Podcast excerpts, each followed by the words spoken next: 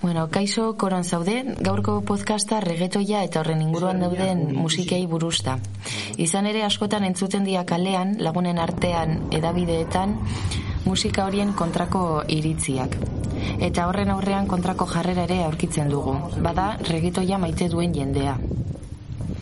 Jarreraren atzean zer dagoen estatuko dugu gure gaurko komidetuekin. Ezan gabe doa regetoia maite duen horietariko bat dela eta baita ere regetoiaren inguruan barruan dauden beste musika estiloak entzungo ditugula. Regetoiarekin eh, dauden aurreritziak, ataskak eta hausnarketak plazaratuko ditugu gorko honetan Joan Esparza di Puñales ez izenarekin ezaguna dena. Regetoiaren sorreraz mintzatuko da, zeintzuk izan ziren e, sortzeko eraginak eta influentziak, erro kulturalak musika genero honetan izan duen influentzia zuzena sarituko da ere bai, eta klub kulturak, sound sistemak eta migrazio prozesuak oroar musika azpi generoetan izandako indarraz berba ingo digu. Juana Esparza Bilboko artista gaztea da. Arte errak ikasi zituen Euskal Herriko Unibertsitatean eta Buenos Airesko Museo Sozial Argentinarreko Unibertsitatean. Duela urte bete, DJ gisa lan egiten du puñales ez izenarekin. Danzol jaia kantoratzen ditu eta beste lankide batzuekin batera Butron Danzal sortu du. Musika eta dantza ardatz dituen kolektiboa hain zuzen. Laster bere son sistem propioa izango duena. Kultura klubaren eta sound system kulturalen artean, urtebetean, Bilboko gauean eszena sortzen ari diren artista gazteetako bat bihurtu da. Gaur egun, praktika eta teoria artistikoa eta kultura garaikidea masterra ikasten ari da.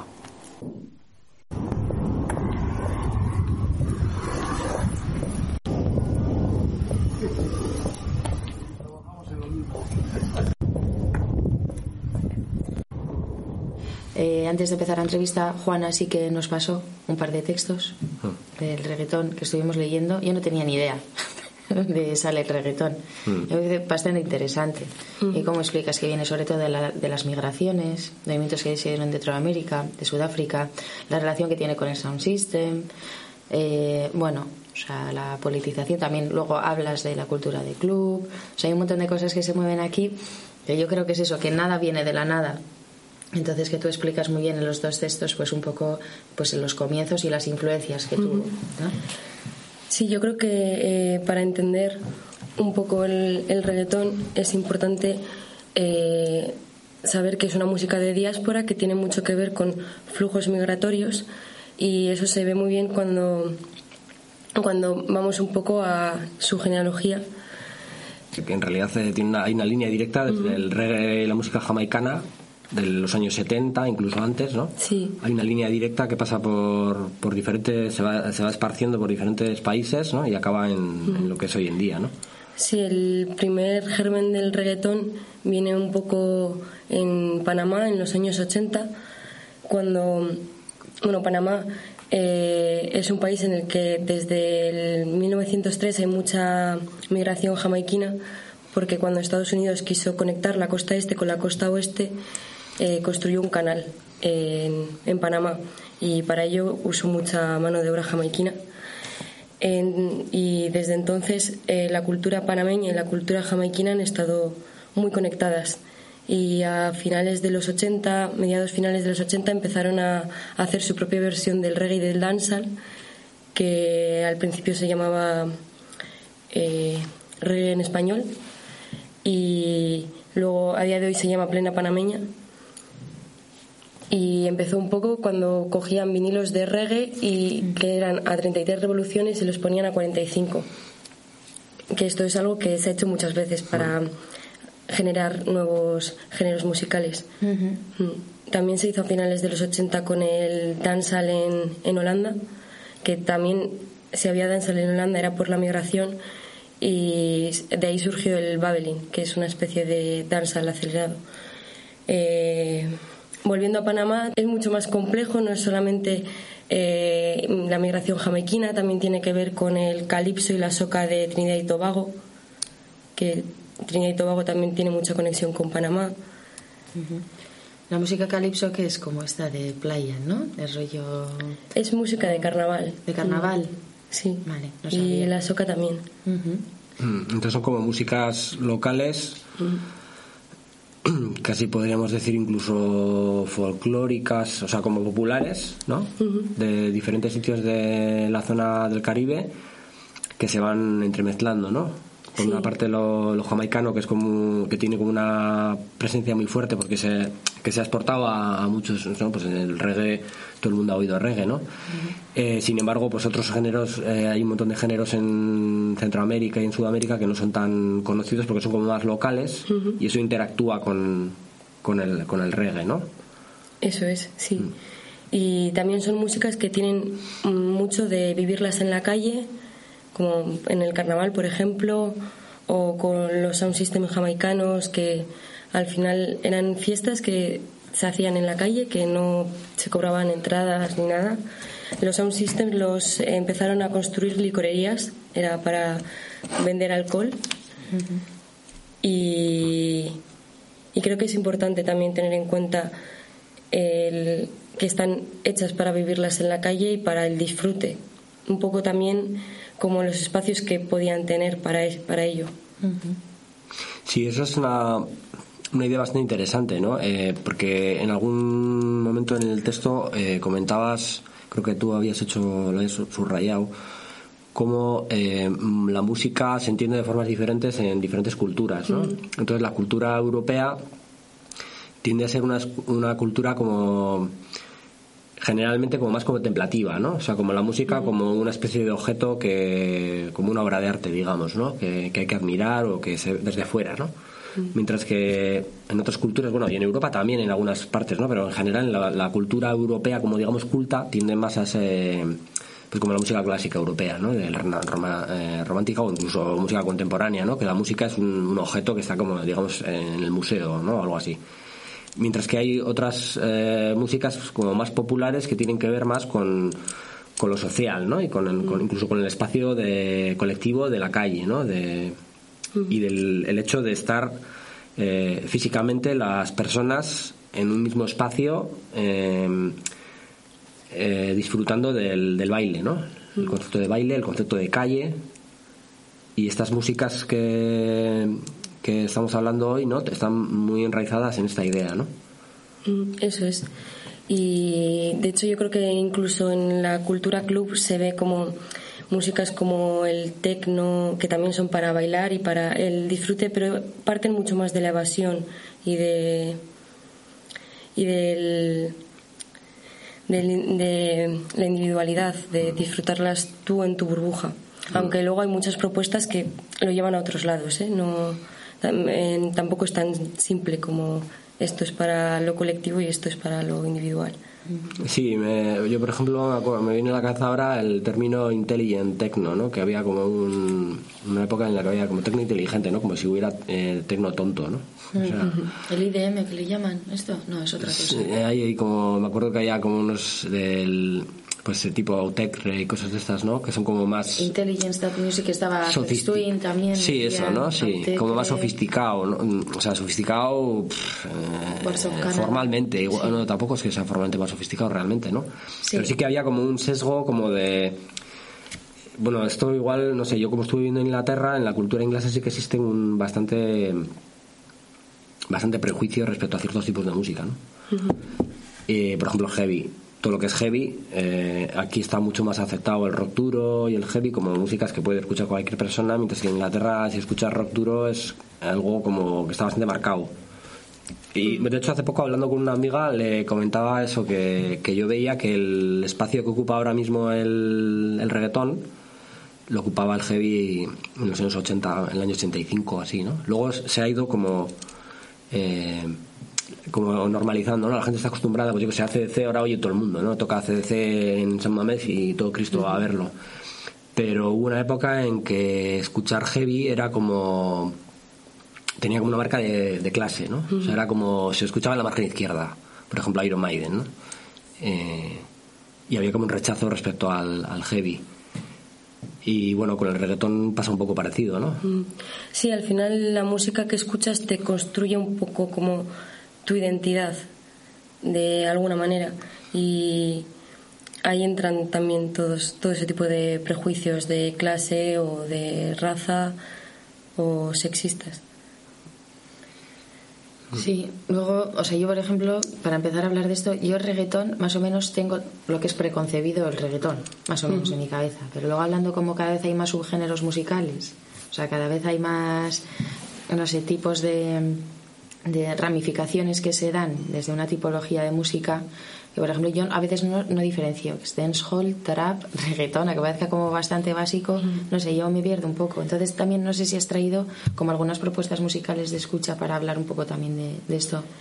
Eh, sí, bueno, yo he traído sobre todo reggaetón y luego algunas cosas más híbridas que se están haciendo a nivel nacional.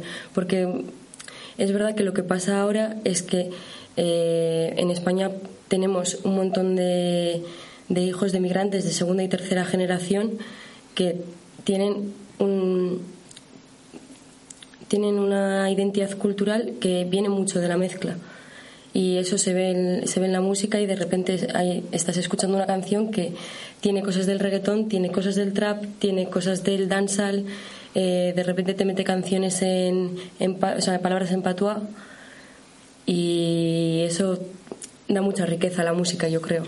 Mm. Eh, si queréis podemos escuchar ahora, a ver, ¿cuál era? Un ejemplo.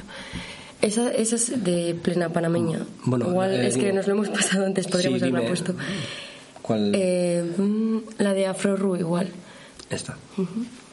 ¿Y esta de quién, quién puedes presentarla un poco? Vale, esta canción es de Afro Juice, que es un grupo de música que creo que vino adelantado, que no pegó como tenía que haber pegado de que hacían lo que ellos llamaban afrotrap.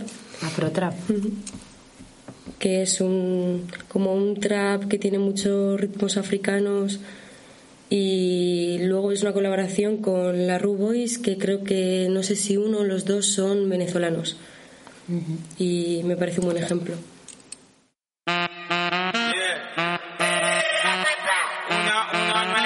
out. Now move it up, boy.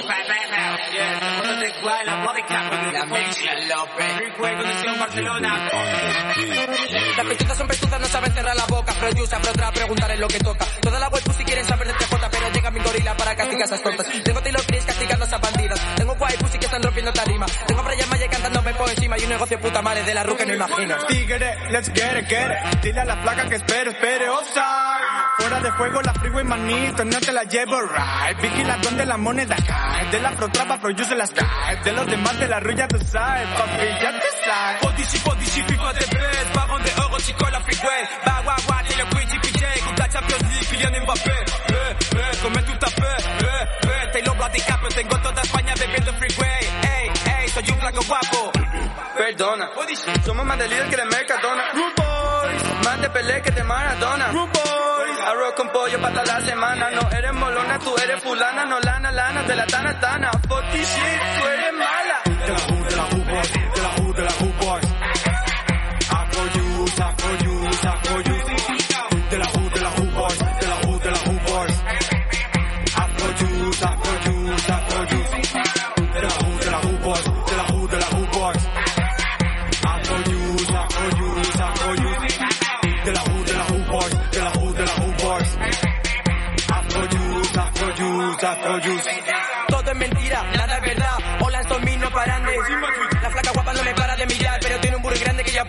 Devorar. Wow, wow, wow, van a Madrid. Fodici, Petit Madrid. TJ. Soy un negro chino, me llaman Bruce Lee. Te comiste la finta, mi hermano, con nosotros no te equivoques. Vamos a darle suave pa, pa que cojan trote. Ok, ok. Hábleme claro, menores. Jugando en la liga mayores. Flaco guapo con estilo, cabrones. Flaco guapo con estilo, 195 la freeway de chino. Ey, ey, me gusta el porno alternativo, pues ya me trapero subirlo a vídeo. Liquitica, pero chico la freeway de la U, de la U, da bifes de que, popo, Coca-Cola, popo, pesicola, 195 pro, tras, soy el rey, ey. Ey, pero no soy Jerry. Ey, suena limpio, pero Jerry, Jerry. Tú eres Tom, pero yo soy Jerry. Ah, tú en qué estabas pensando, sí. Son las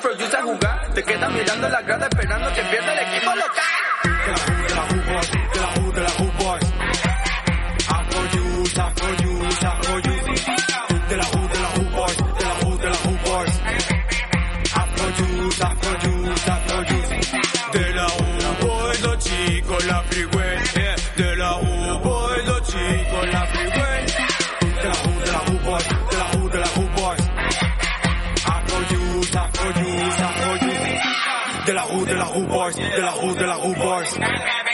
Afro youth, afro. Mm, Bueno, ahí yo, por ejemplo, eh, mm, oigo como formas de cantar de, que vienen del rap, ¿no? O sea, que, vienen, que tienen relación con el rap, ¿no? Pues yo que sé, Cypress Hill y así, ¿no? Que ya como que eran latinos también, medio latinos, ¿no? Tenían ese rollo como de esa forma de cantar, así que... Entonces, mm, eh, oigo esas voces y enseguida me remiten a, a esas cosas, ¿no? Luego hay otros, otras cosas, ¿no? Como ritmos y, y sonidos como que vienen de otro lado, ¿no? Claro, al final eh, ellos lo consideran afrotrap y el trap también viene de, del hip hop. Y esto es 2017. Sí. 2017. ¿Y de dónde son? Eh, yo creo que viven en Barcelona y son la mayoría son afrodescendientes, no sé si, si todos, no, no ubico bien. Bueno, creo que ya no, no sé si sigue existiendo el grupo, sé que hay gente que está haciendo otras Ya, cosas. ya, ya. Mm. Y igual podría estaría bien escuchar ahora un poco algo de o hablar un poquitín de eso, ¿no? De cómo pues habías traído por ejemplo el general y así, ¿no? Que son como o, ¿tenías DJ player o tenías sí también, ¿no? Que son como cosas que que son como los lo, lo- como el inicio de todo esto, ¿no? Sí, al general mucha gente lo considera como el abuelo del reggaetón. Y al principio se dedicaban mucho eh, el general, Nando Boom, todos estos artistas que empezaron con el reggae en español en Panamá a coger canciones de, de dancehall de, en patuá y traducirlas. La más famosa es Dembow, que es una canción que después ha dado nombre al género Dembow, aunque en realidad hay una distancia. Eh, y es una canción homófoba en realidad, porque eh, Jamaica también tiene toda esa tradición homófoba.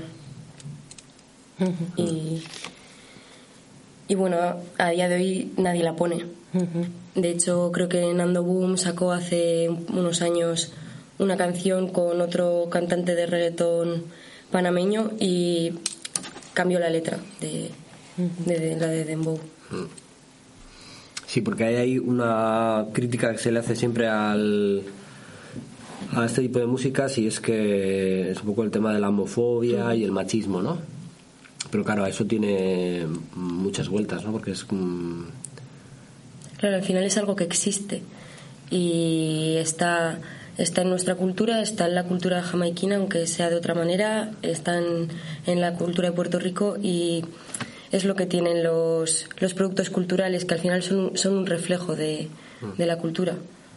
sí que también hay canciones de lo que yo los trogloditas de los años 80 que hoy en día las escuchas y son bastante Sí, bueno, lo mismo pasa al ver alguna serie ahora, de los 90. Lo ves y dices, guau.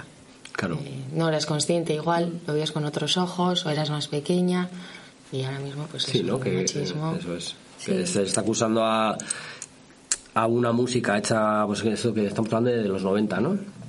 Eh, de los 80. Oche- 80 incluso, ¿no? Está acusándose a una música de los 80 de ser música de los 80. Lo mismo que pues Loquillo tiene la de la Mataré, ¿no? Ya. Que es eh, violencia de género bastante bastante claro, ¿no? Pues en ese mismo momento en, en Panamá estaban haciendo mm, otras canciones que pues también tienen reflejan la sociedad de ese momento, ¿no? Sí, luego se están haciendo muchas revisiones. En Jamaica y firmaron un montón de artistas del reggae y el dancehall como una especie de, de tratado contra la, contra la homofobia. En- esto fue en, en- a principios de los 2000. Pues igual nos pones algo de, de eso que has traído, de esa... Eh, sí, he traído eh, una canción, esta es típica, seguro que a la gente le suena, de, del general que es la de Te ves buena. Luego en muchas canciones actuales se hace referencia a esta canción.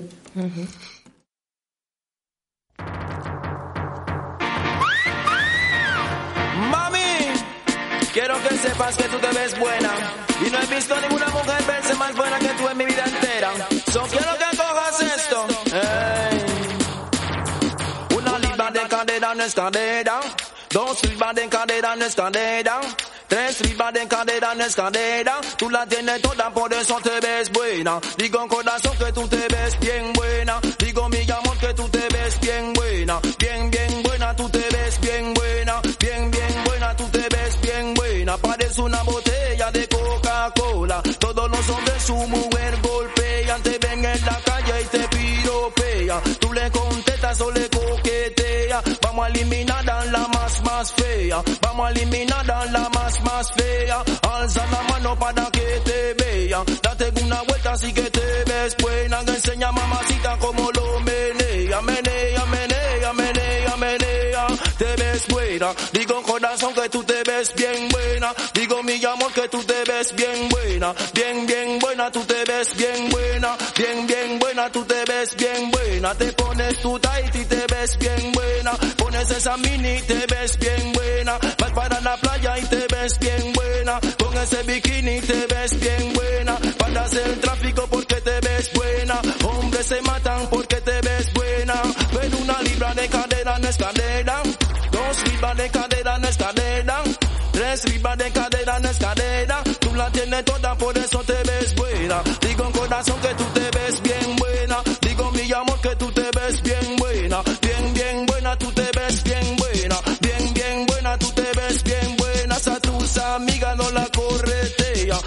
firmonas y también son feas.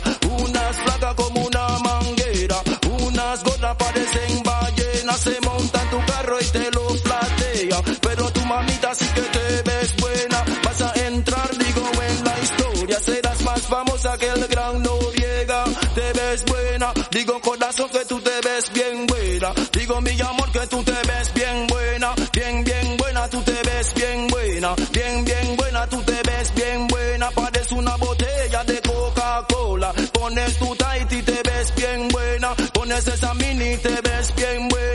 Pones tu cutarra y te ves bien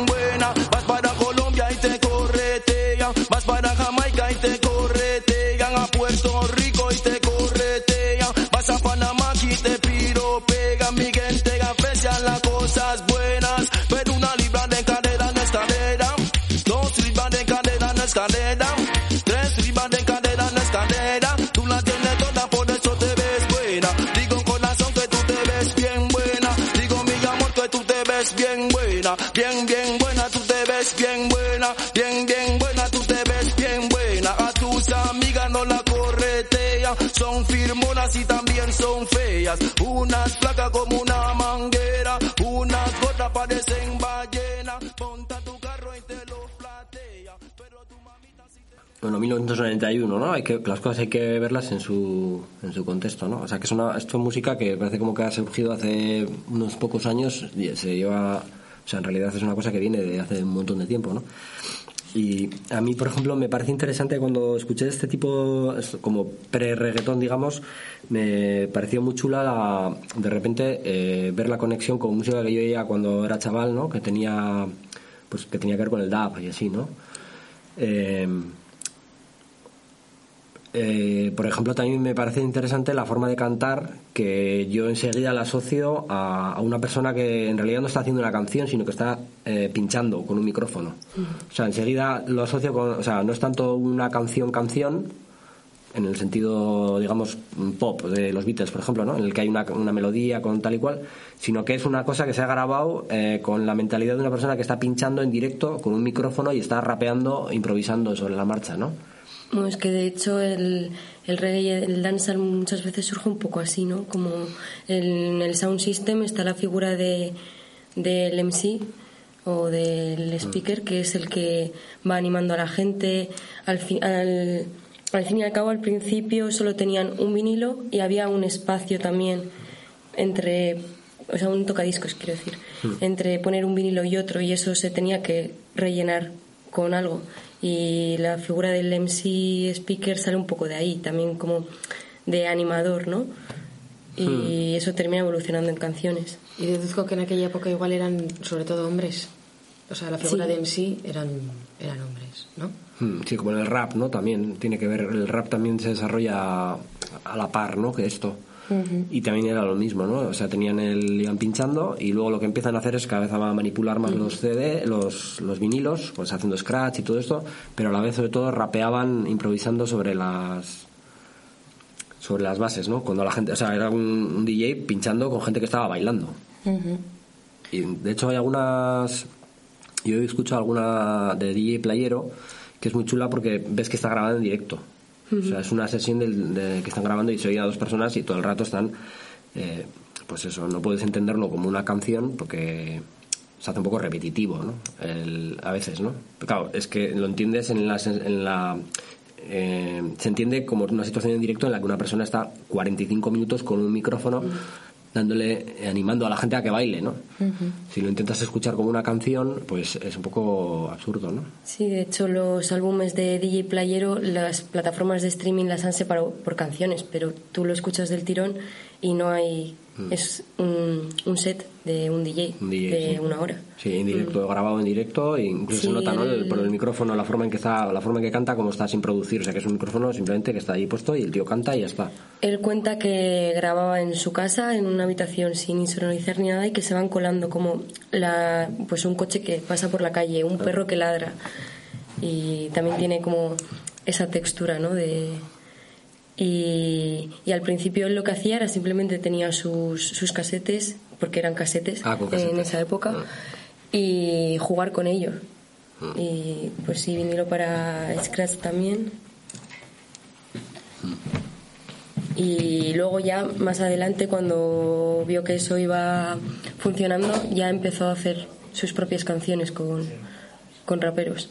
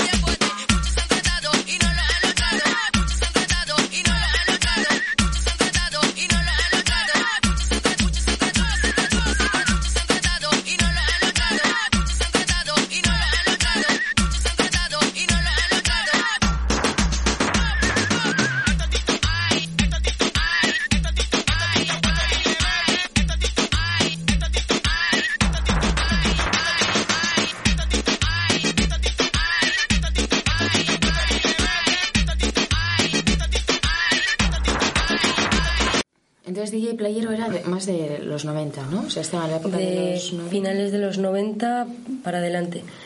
El- bueno, creo que para entender un poco de dónde viene esto es importante entender también que los puertorriqueños eh, tienen doble nacionalidad estadounidense desde el año 1917 y eso genera un flujo también de intercambio de música con, con Nueva York.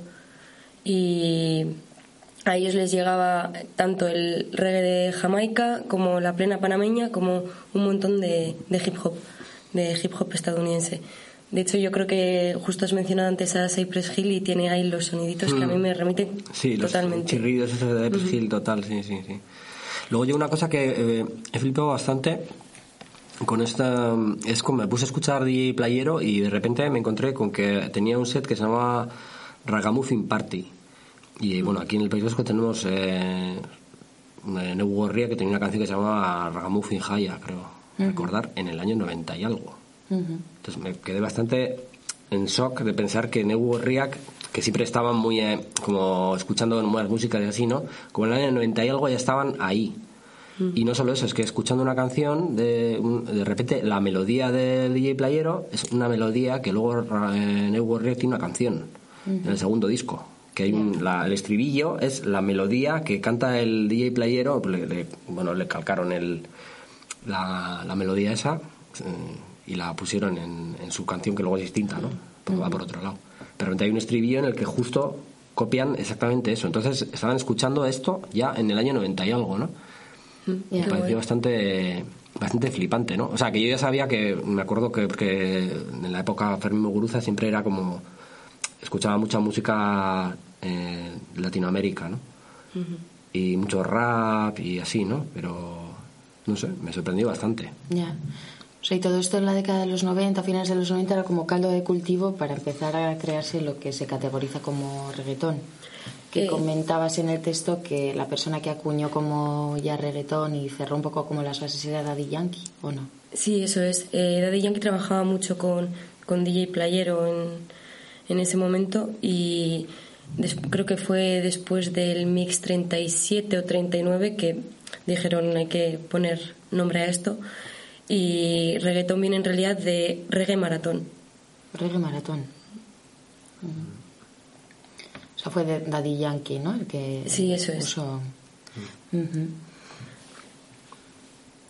Luego también es interesante, eh, porque ahora justo estábamos hablando antes, ¿no? De que estoy- he empezado a leer un libro que se llama Gritos de Neón de Kit McIntosh, que es un, un inglés bastante joven y que habla sobre, bueno, mm, este tipo de música, pero claro, inmediatamente eh, yo le vi la, el, como el, el- la- esa, esa, esa división que hay cultural entre con el, el inglés y el castellano son diferentes culturas no cómo se separan no y cómo conexiones cómo hay conexiones pues eso antes hablábamos de, de Holanda y, y el Caribe no ciertas que porque tienen eh, colonias o antiguas colonias en, en ciertas partes del Caribe no entonces como en Inglaterra de repente eh, la palabra reggaetón prácticamente no aparece en el libro y sin embargo aparecen otras como eh, drill trap basement etcétera no que son como estilos que quizás tengan que ver más con los flujos culturales del antiguo imperio británico. Claro, el, el Basmen al final es reggaetón en castellano en el sentido de que es la evolución del dancehall. Es el, el dancehall más electrónico. O sea, al final, ¿cuál sería? Yo que me pierdo un poco en estos subgéneros, o sea, el drill, el trap más o menos creo que lo tengo situado, y el basement, o sea, El, el Basmen es el dancehall más electrónico, que es lo que se está haciendo ahora. Desde, no sé si sería desde 2010, un poquito antes. Eh, Vibes Cartel, mm, Sis- Sisla, o no sé, ahora mismo no sé muy bien. eh, vale. Luego ahora también se están haciendo como una especie de mezclas de drill jamaicano que también me parece muy interesante. Que artistas como Skilly Bang, Ni idea, es que me, me pierdo incluso el, el drill, no sabría bien eh, exactamente qué es. Pero, igual puedes definir un poco explicar un poco no sé si sé explicarlo muy bien. Pero bueno, bueno. Eh, el sonido más característico del drill sería el 808, el bombo este con el... sí la caja de Sí. ritmos esta no que es como mítica de música techno no es como un género como más agresivo no Eh, musicalmente no Sí, sí. Y Que igual el reggaetón tiene más como una cosa como relacionada con el reggae, como más de mm, una música como más agradable, mm, los sonidos y así, ¿no? Y el drill es como más un tecno como más bestia, ¿no? Tiene como Sí, no sé si lo de metería rap. dentro del tecno. Ya. Eh, igual más dentro de como una especie de evolución más del trap, algo así lo pondría yo. Y sí que es como muy agresivo, incluso luego la estética, ¿no? Sí, los temas que tratan también son como bastante polémicos, ¿no? Porque son como muy de mm, bueno, pues los típicos que se han tratado en el rock de toda la vida, de drogas y mm, peleas con la policía y tal, ¿no? Que ya los clases hablaban de, de estas cosas. Como que hace mucho hincapié en ello, ¿no? Que es una tradición que viene del rap, ¿no? Del rap de la costa oeste principalmente, que era como bastante, pues, eh, estos grupos eh, de la zona de Los Ángeles, ¿no? Que eran como muy de, pues, de hablar de las cosas que pasaban en la calle y siempre centrándose en, en ese tipo de temas, ¿no? De conflictos y, y peleas con la policía y tal, ¿no?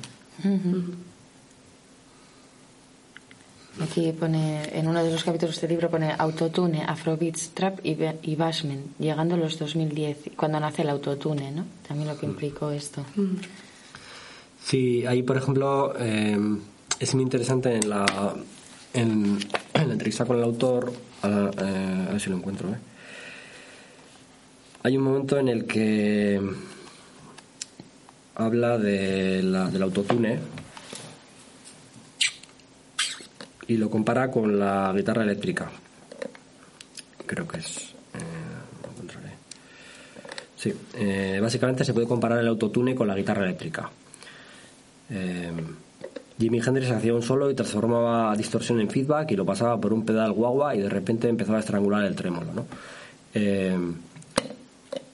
Entonces él habla de cómo hay diferentes artistas que usaban la guitarra eléctrica, ¿no? Por ejemplo, dice Wes Montgomery, Jimi Hendrix, Johnny Marr y My Bloody Valentine, todos usaban guitarra eléctrica, pero generaban sonidos completamente distintos. Lo mismo pasa con los artistas que usan autotune.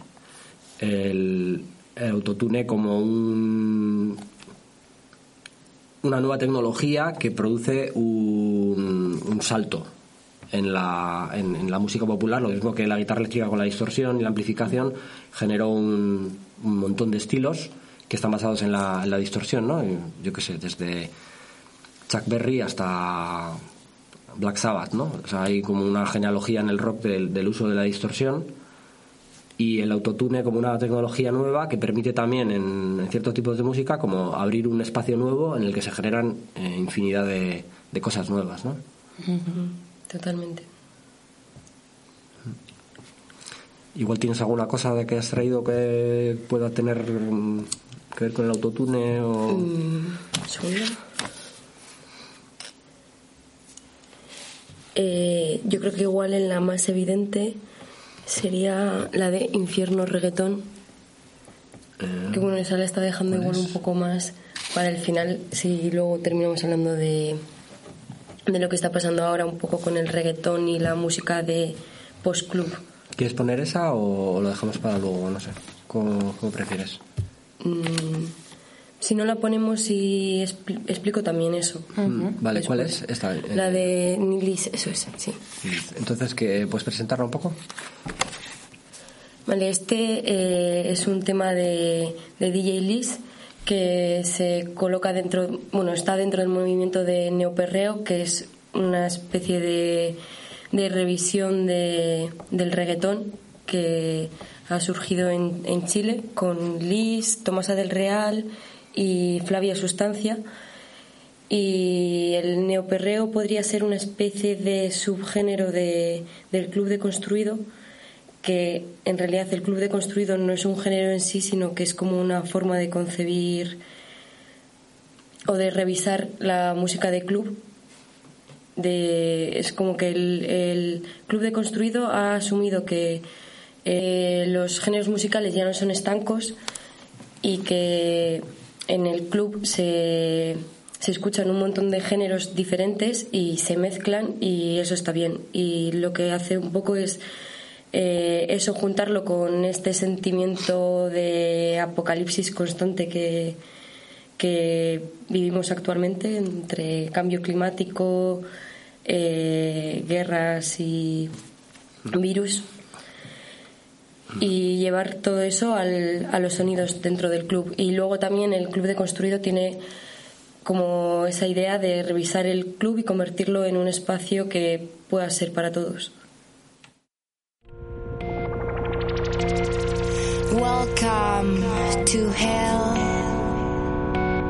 Culona 666. Infierno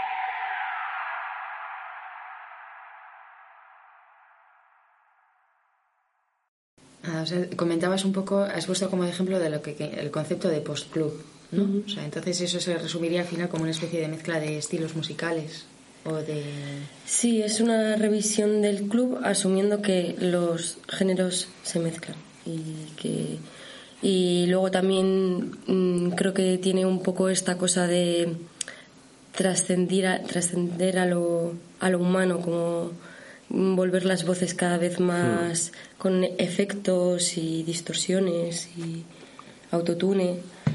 Sí, es como que con el autotune se ha abierto como una, una puerta a algo que se venía haciendo ya siempre, ¿no? El que es el- la producción de voces cada vez desde hace muchos años está como la voz se produce un montón, ¿no? En la música. Lo que pasa es que eh, como que siempre se intentaba que la producción de la voz quedara natural, entre comillas, ¿no? En general, ¿no? Tú oyes un disco de David Bowie y hay un nivel de producción bestial en la voz, con reverbs y delays, etcétera, que queda ahí un poco como eh, enmascarado, digamos, ¿no? Y aquí ya como que con el autotune lo que se hace es como, vale, ahora ya ponemos efectos, pero encima que se vean mucho, ¿no? Igual que la guitarra eléctrica de Metallica tiene una distorsión super bestia, de repente ahora se coge la voz y se le mete el autotune y se transforma totalmente la, la voz, ¿no? De hecho, este el Kit McIntosh en el libro habla del concepto de psicodelia eh, vocal o algo así, ¿no? Como de como que hay una especie de momento psicodélico con la voz, ¿no? Gracias a estas, eh, estos efectos, ¿no? Nuevos que que también venía como un poco del DAB, ¿no? Porque en el DAB con el, o sea, de otra forma, ¿no? Porque en el DAB no tenían el autotune, pero usaban el, los delays y el reverb, ¿no? Para continuamente esta, esta especie de voz que está como en una caverna y que se repite y así, ¿no? Y ahora, bueno, pues con el autotune como que se aplica de esa misma forma tan bestia, ¿no? Con el DAB es como muy bestia, como usan el, el reverb y el, y el delay. Y de repente cogen como esa forma agresiva de usarlo y lo usan con esa tecnología nueva que es autotune. Entonces, bueno, de repente como que se abre un, un campo nuevo, ¿no? Mm. Luego es interesante también lo que decías, de lo del, el- la idea del club, ¿no? O sea, que eso creo que ya estuvimos hablando otro día, ¿no? De cómo el concepto de club, que igual aquí no es muy, no tiene mucha tradición, porque aquí ha sido históricamente distinta la, la entrada de la música, pero en culturas como pues en americana o en Nueva York o en Londres, por ejemplo, la idea de club es eh, muy muy importante, ¿no? Aquí quizás eh, por la influencia del rock que en los años 80 tuvo un peso muy fuerte, ¿no? Es más la idea del concierto, eh, como el concierto de rock, ¿no? Y sin embargo en Inglaterra esto, o el concierto existe, pero también existe el club como una institución muy muy importante, ¿no? Sí, el, bueno, el club es algo que se generó simultáneamente en muchos sitios por diferentes motivos y uno de ellos eh, fue cuando en Londres la migración jamaiquina llevó los sound systems a, a Londres. eh, empezaron a hacer fiestas, pero mm, tanto por clima como por dinero, al final terminaron haciendo eh, fiestas que cobraban algo de entrada y a alguien le pareció una buena idea y convertir eso en empresa, que al final es lo que es un poco el club. Y bueno, aquí tengo una cita de, de Bambi, que es una DJ y productora canadiense que dice que la vida nocturna y la fiesta necesitan ser urge- urgentemente politizadas, porque la diversión como experiencia, sensación y espacio han ido desapareciendo sistemáticamente. Entramos en la noche ciegos y las mismas desigualdades que existen en el mundo existen ahí también. Y creo que el movimiento post-club parte un poco de, de esto. Eh, al final el post-club eh, surgió en el 2010 cuando una, una DJ que se llama Venus X de Nueva York empezó a hacer unas fiestas que se llamaban The Gothic y cobraba una entrada de dos dólares y buscaba sobre todo unas fiestas que a las que pudiesen acceder todos los marginados, por así decirlo, Eh, ya sea por, por raza, por disidencias de género, por lo que fuera, por, eh, eh, por clase. Y ahí empezó a cocerse lo que es el, el club de construido. Y creo que es importante eso también, porque luego se ha intentado intelectualizar mucho y es como una especie de. El reggaetón deconstruido es el reggaetón culto, ¿no? El que sí que. El que sí que tiene un valor. Inteligente, ¿no? Como decíamos antes, Eso es. inteligente, ¿no? Eso es. Y el otro día me vi una entrevista a Kelman Durán, que es uno de, es un, un artista dominicano que es uno de los referentes dentro del reggaetón deconstruido, que decía que la gente le llama el burial del reggaetón y que él reniega de eso. Claro, es que hablando de postclub, luego yo también escuchaba antes la palabra neoperreo. Y me quedo con esto, y no sé Sí. lo que es. Y al final el perreo también, no sé, yo lo asocio también a cuestiones de actitudes. Y como también esas actitudes implícitamente, muchas veces, bueno, no implícita, incluso explícitamente, a veces son como muy masculinas o muy, no sé cómo decir, como machistas incluso, ¿no? Y como hay igual artistas que han disociado eso, están incluso dentro del reggaetón, pues genera, o sea, tomando otro tipo de posicionamiento o de perspectivas. eh, los bailes del como el perreo o el dancehall en el que la mujer mueve, mueve el cuerpo de una manera no son necesariamente no están marcando necesariamente esa superioridad o no sé cómo, cómo decirlo eh, sino que también tiene mucho que ver con una mujer usando su cuerpo como y para el disfrute propio. Y muchas veces se piensa que el perreo es algo machista porque se está centrando, la- o sea, se está mirando desde una mirada masculina en la que la mujer está moviendo el culo para que eh, para excitar al hombre o para el placer del hombre, pero en realidad hay mucha, muchos grupos de amigas que salen a bailar, perrean entre ellas y no tiene nada que ver con con con los Sí, hombres, Sí, con el es placer de que- los hombres. Eso es eh, justo lo que. ¿Te acuerdas que estuvimos hablando de esto? Eh, creo que he hablado con vosotras dos de este tema, ¿no? Del el videoclip este de, de Miss Nina, ¿no? Que se llama, que se llama, titula Chupa Chupa. Que cuando lo ves, eh, un hombre cuando lo ve, eh, inmediatamente lo mira desde una mirada masculina.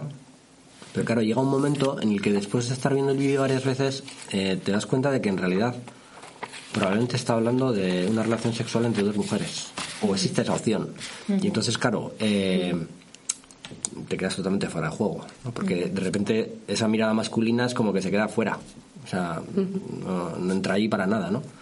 y es un poco lo que dices tú ¿no? o sea hay una actitud de una persona que está bailando y lo que es machista es el- la mirada que pone en esa actitud una, o sea, una interpretación de esa actitud que es la machista, pero en sí la, el baile en sí no es un baile sin más, ¿no? Sí, eso es.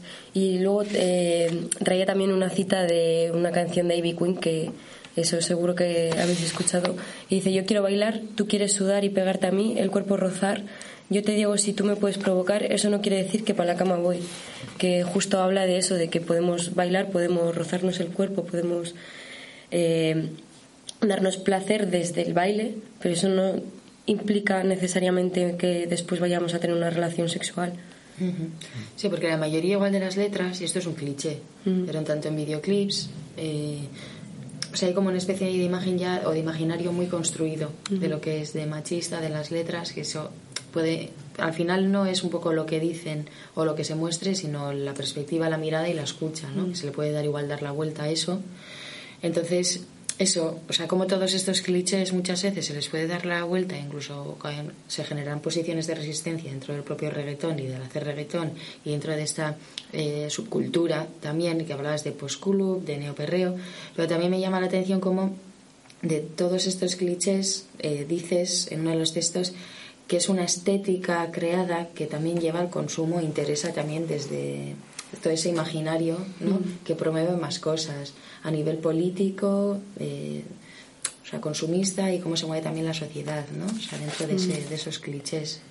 Sí, yo creo que ahí estaba hablando sobre todo igual del reggaetón más pop y más edulcorado que está sonando ahora en todos lados, como puede ser Bad Bunny, J Balvin y. Cortés, que han construido como un nuevo imaginario de mujer, que es una mujer independiente y empoderada, pero es independiente y, empoderada a través de eh, ir al gimnasio, hacerse las uñas, vestir marcas de lujo, como también eso a yo creo que es en parte ese mensaje el que le ha dado espacio al reggaetón mainstream en, en la radio. Bueno no sé si en la radio justo pero O sea, y tú, claro, aparte de escribir y estar investigando sobre el- estas, esta cultura del reggaetón y el postclub y todas estas como eh, bajo este paraguas, toda la subcultura que hay, tú también produces o bueno, o producir música por ahora no. Sí que es algo que, que quiero hacer más adelante. Por ahora eh, organizo fiestas y pincho también en-. Claro. Y- Y, entonces esta que hablas de esta cultura como más main- mainstream del reggaetón, tú que conoces tanto este mundo y las diferentes formas de hacer dentro de esta eh, tipología de música, eh, claro, tú cuando escuchas como el reggaetón más mainstream, que te, no sé qué decir, como te interpela de alguna forma o no, o ves algún tipo de...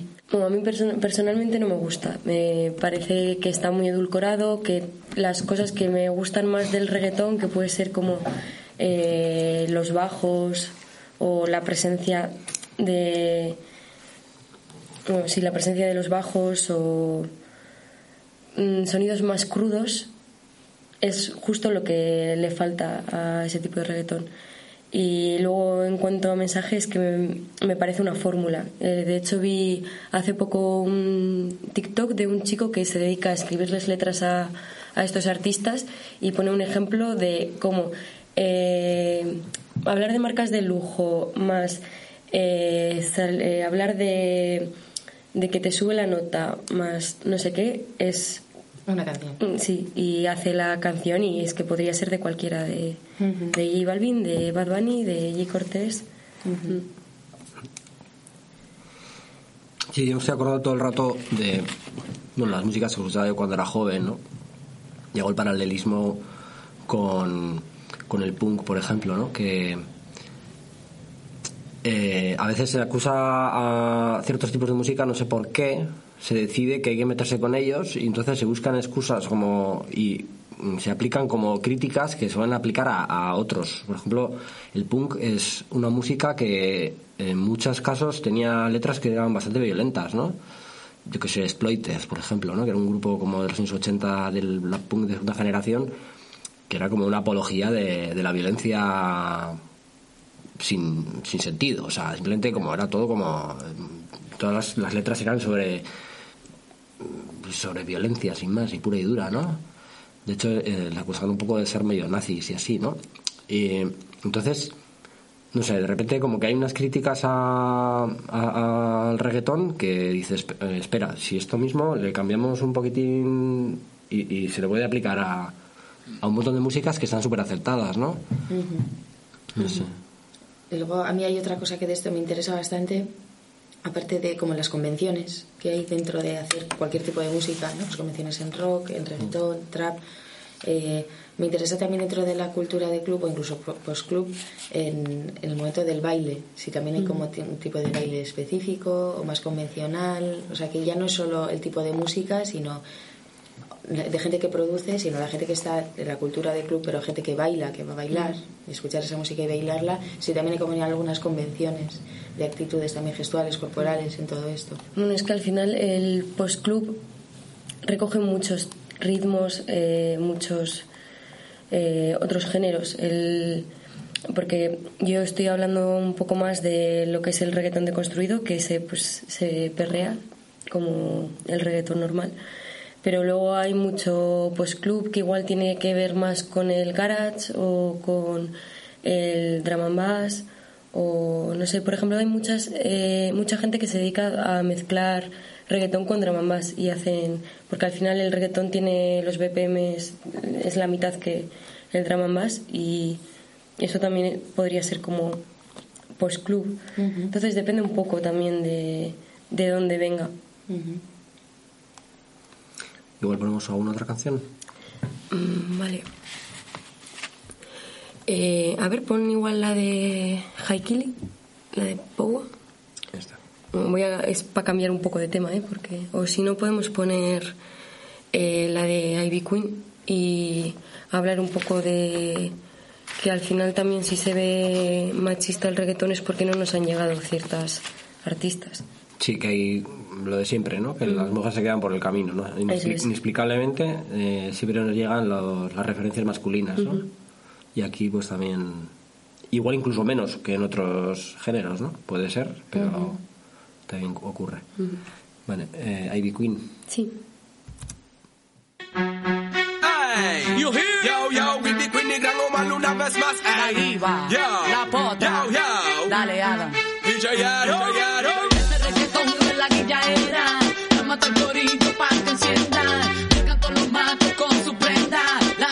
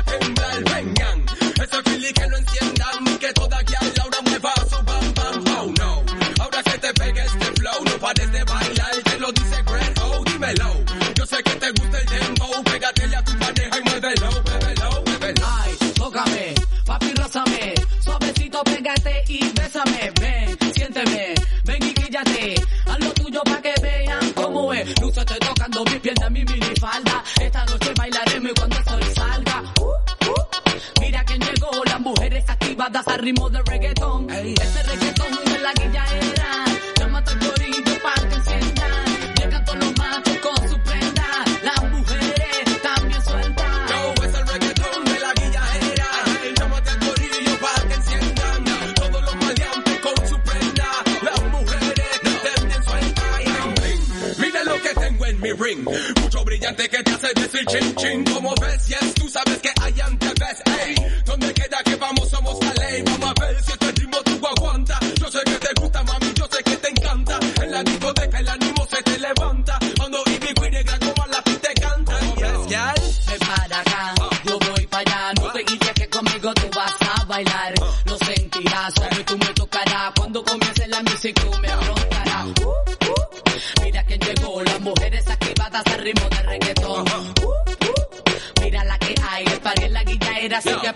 fly. Hey.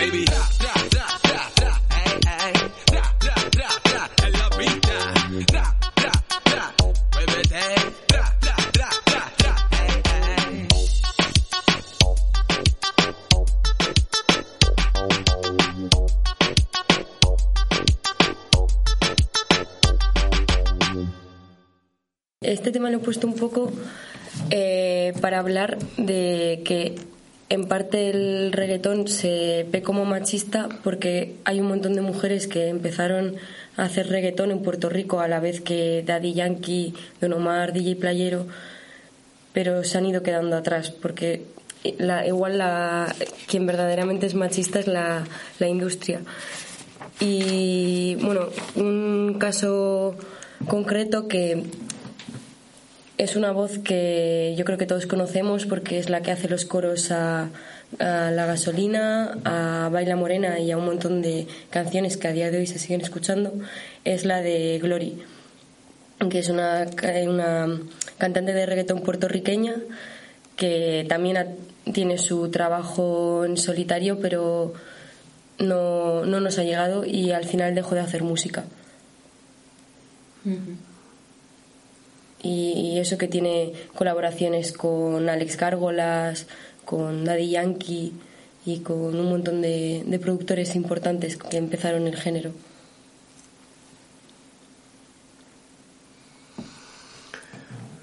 Bueno, eh... ¿algo más? No sé, no sé si para terminar, me, no sé, veo que has traído un libro eh, que se llama Making Flus. Sí, Eh, este es un libro que, que han publicado desde, desde el bloque, que es un medio que se dedica a, a habla- hablar y analizar la, la música urbana. Y es muy interesante, sobre todo me... Espera, ¿el título cuál es? ¿Entero? Making abajo. La música, la música urbana, un cambio generacional, un nuevo paradigma cultural.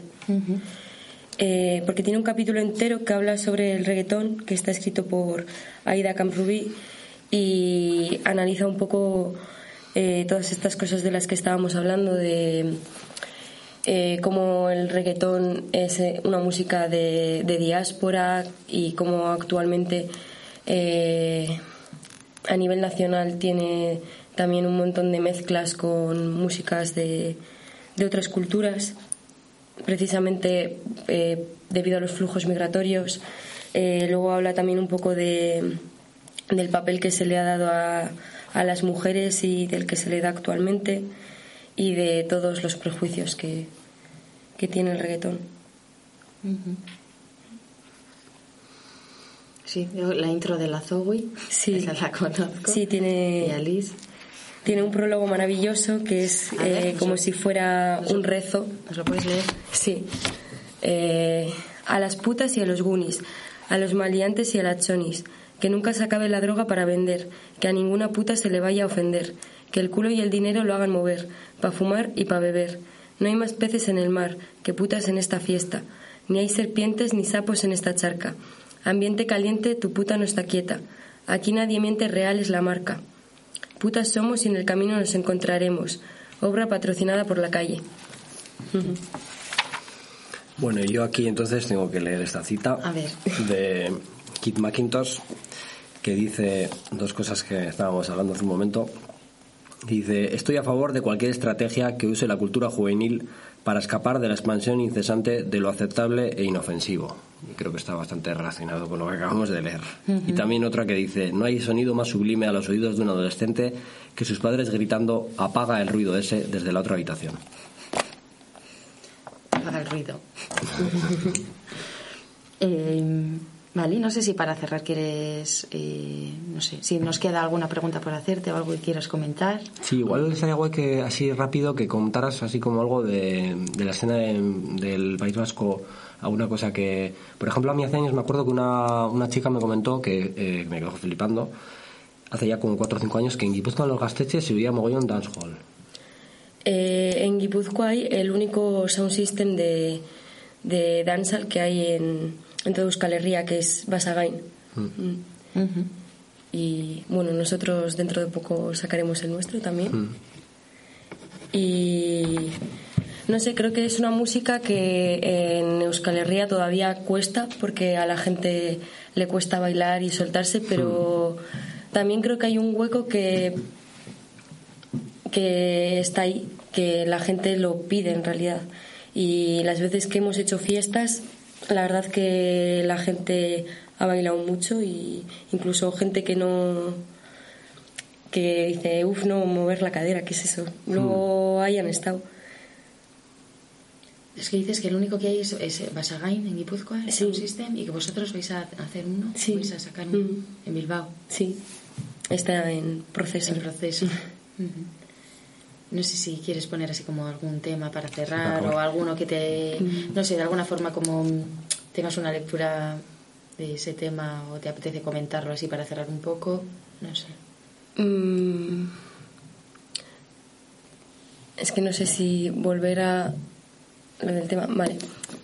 Eh, bueno, pues eh, para terminar, igual hablar un poco también que se ha olvidado un poco, pero quien el primer grupo de reggaetón a nivel nacional eh, fue un grupo de dos gemelas canarias que se llaman Las Canarias y hablaban en sus canciones. El, bueno, la, la más conocida igual es la de No te vistas que no vas, que es una canción súper empoderante que está hablando de... ¿De qué año es esto?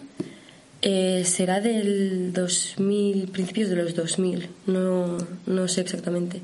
El- sí que el reggaetón entró en España a través de un DJ de, de las Canarias que él estaba muy al día del hip hop de Nueva York y vio que ahí se estaba mezclando hip hop con reggaetón y le flipó y, y hizo un programa de radio sobre... ¿Y actualmente siguen haciendo música? ¿O- Las Canarias sí, Sí. Igual un poco más edulcorado que, ¿Tienes que en esa alguna época. canción o...? Eh, y lo que había traído igual un poco en contraposición a eso es eh, lo que se está haciendo ahora en Canarias, que también me parece que, que hay cosas muy interesantes. Y es un tema de Haikili con Cruz, Cruz Cafune, producido por Don Peligro. Sí, sí, yo sé quién es. Claro que sé quién es. Sí. La primera vez que la vi fue ahí la nota chupando altavoz en una rave en Valle Seco y no, ya se le veía el ramalazo. Dije, loco, ¿en serio te estás rompiendo hacia las 11 de la mañana?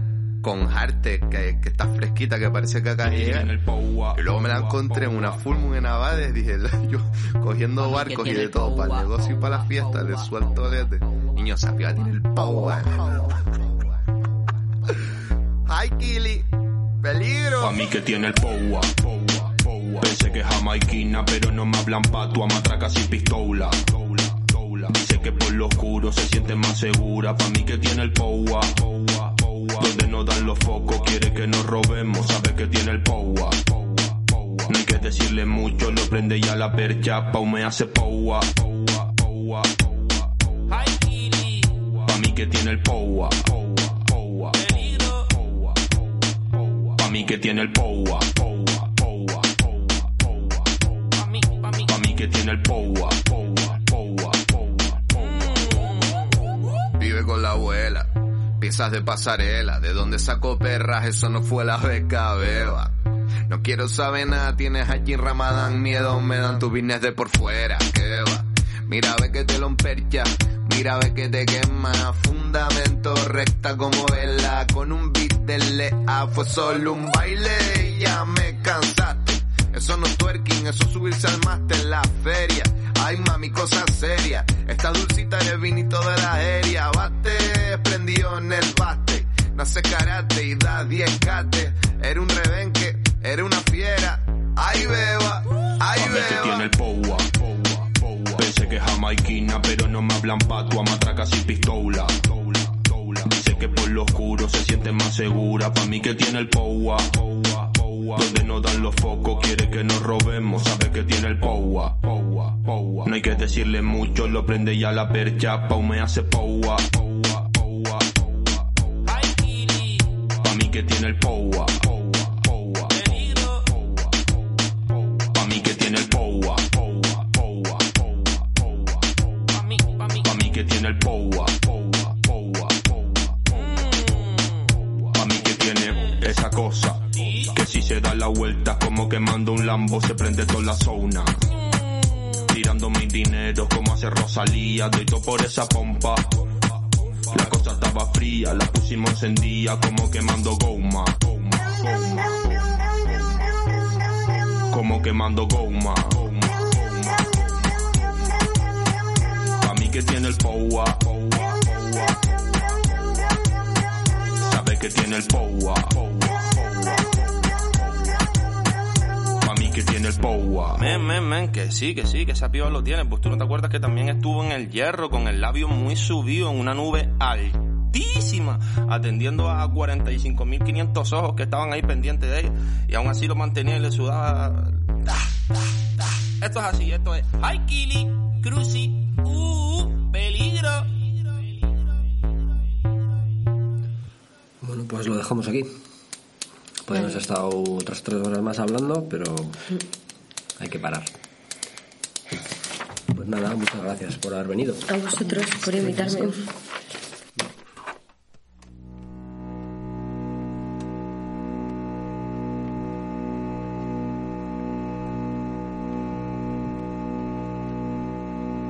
Judizio generalaz nola horit ez dira